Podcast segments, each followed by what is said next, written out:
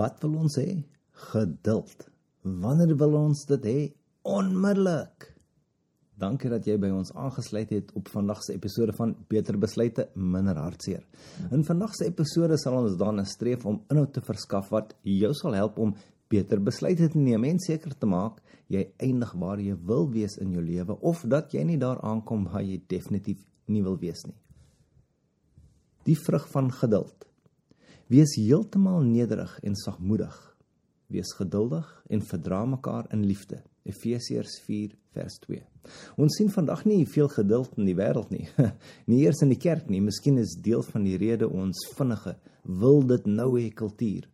Maar Christene het alles wat ons nodig het om geduldig te wees want ons het die Heilige Gees wat in ons woon wat smag om sy karakter aan diegene rondom ons te vertoon.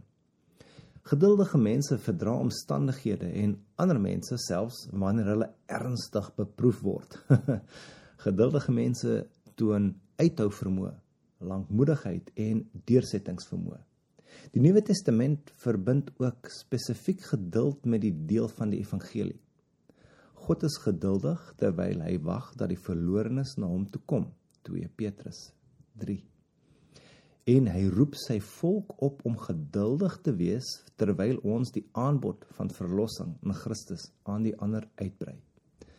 Daar is twee Griekse woorde wat in die Nuwe Testament as geduld vertaal word.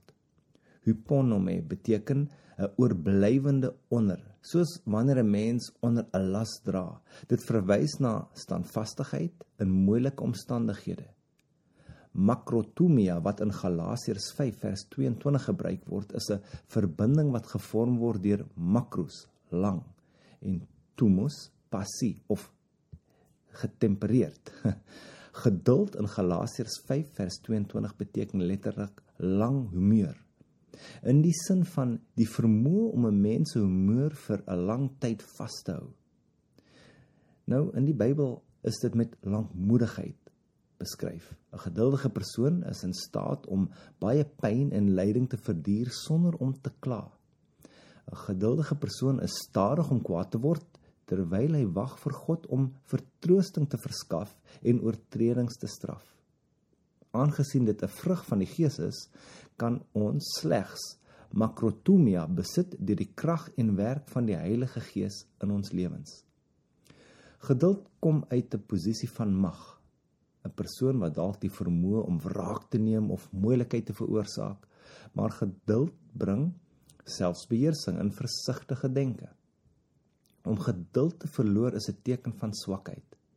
Ons is geduldig deur moeilike situasies uit hoop op 'n komende verlossing. Ons is geduldig met 'n beproefde persoon uit deernis. Ons kies om daardie persoon lief te hê en wil hê wat die beste vir hom is. Soos die Gees geduld in ons voortbring, maak hy ons meer soos Christus. 2 Tessalonisense 3 vers 5 praat van die geduldigheid van Christus. Christus wag self nou geduldig op die voltooiing van die Vader se plan. Nadat Jesus vir altyd een offer vir sondes gebring het, het hy gaan sit aan die regterhand van God.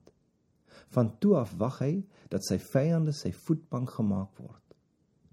Ons moet geduldig wees net soos hy geduldig is. God is geduldig met sondenaars.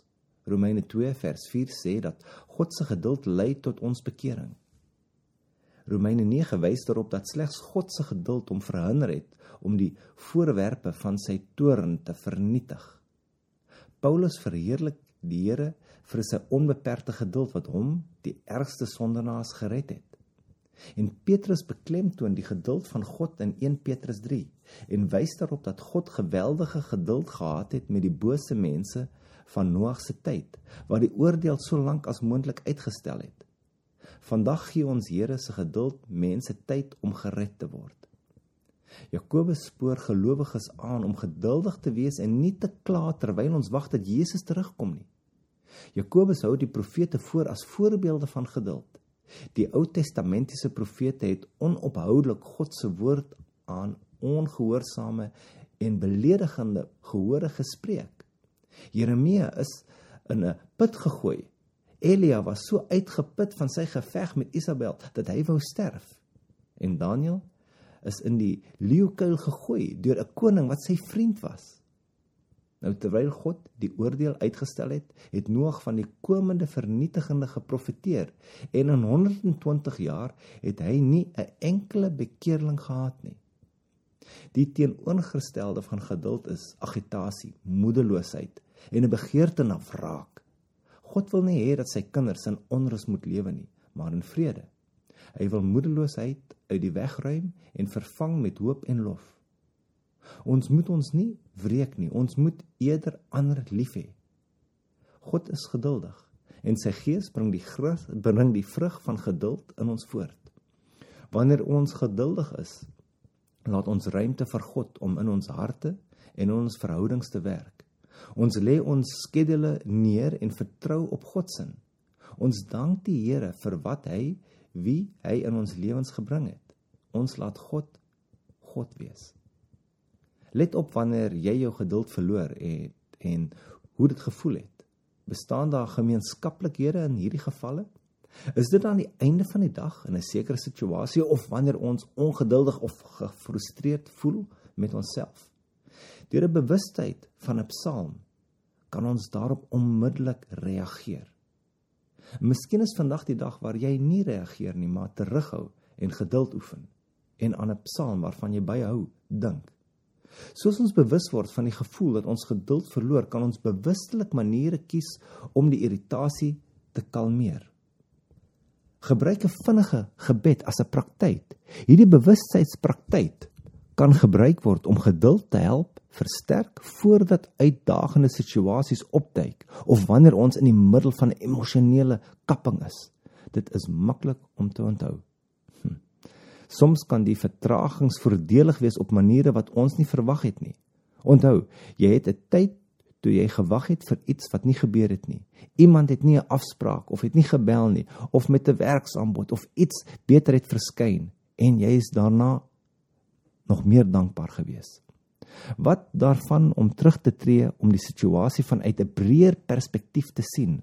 Wanneer 'n situasie opduik wat jou geduld op die proef stel, vra jouself: Sal dit oor 'n jaar saak maak of dalk oor 'n maand of volgende week of oor 'n dag? Want my gedagtes is nie julle gedagtes nie. En julle wee is nie my wee nie, spreek die Here. Want soos die hemel hoër is as die aarde, so is my wee hoër as julle wee en my gedagtes as julle gedagtes.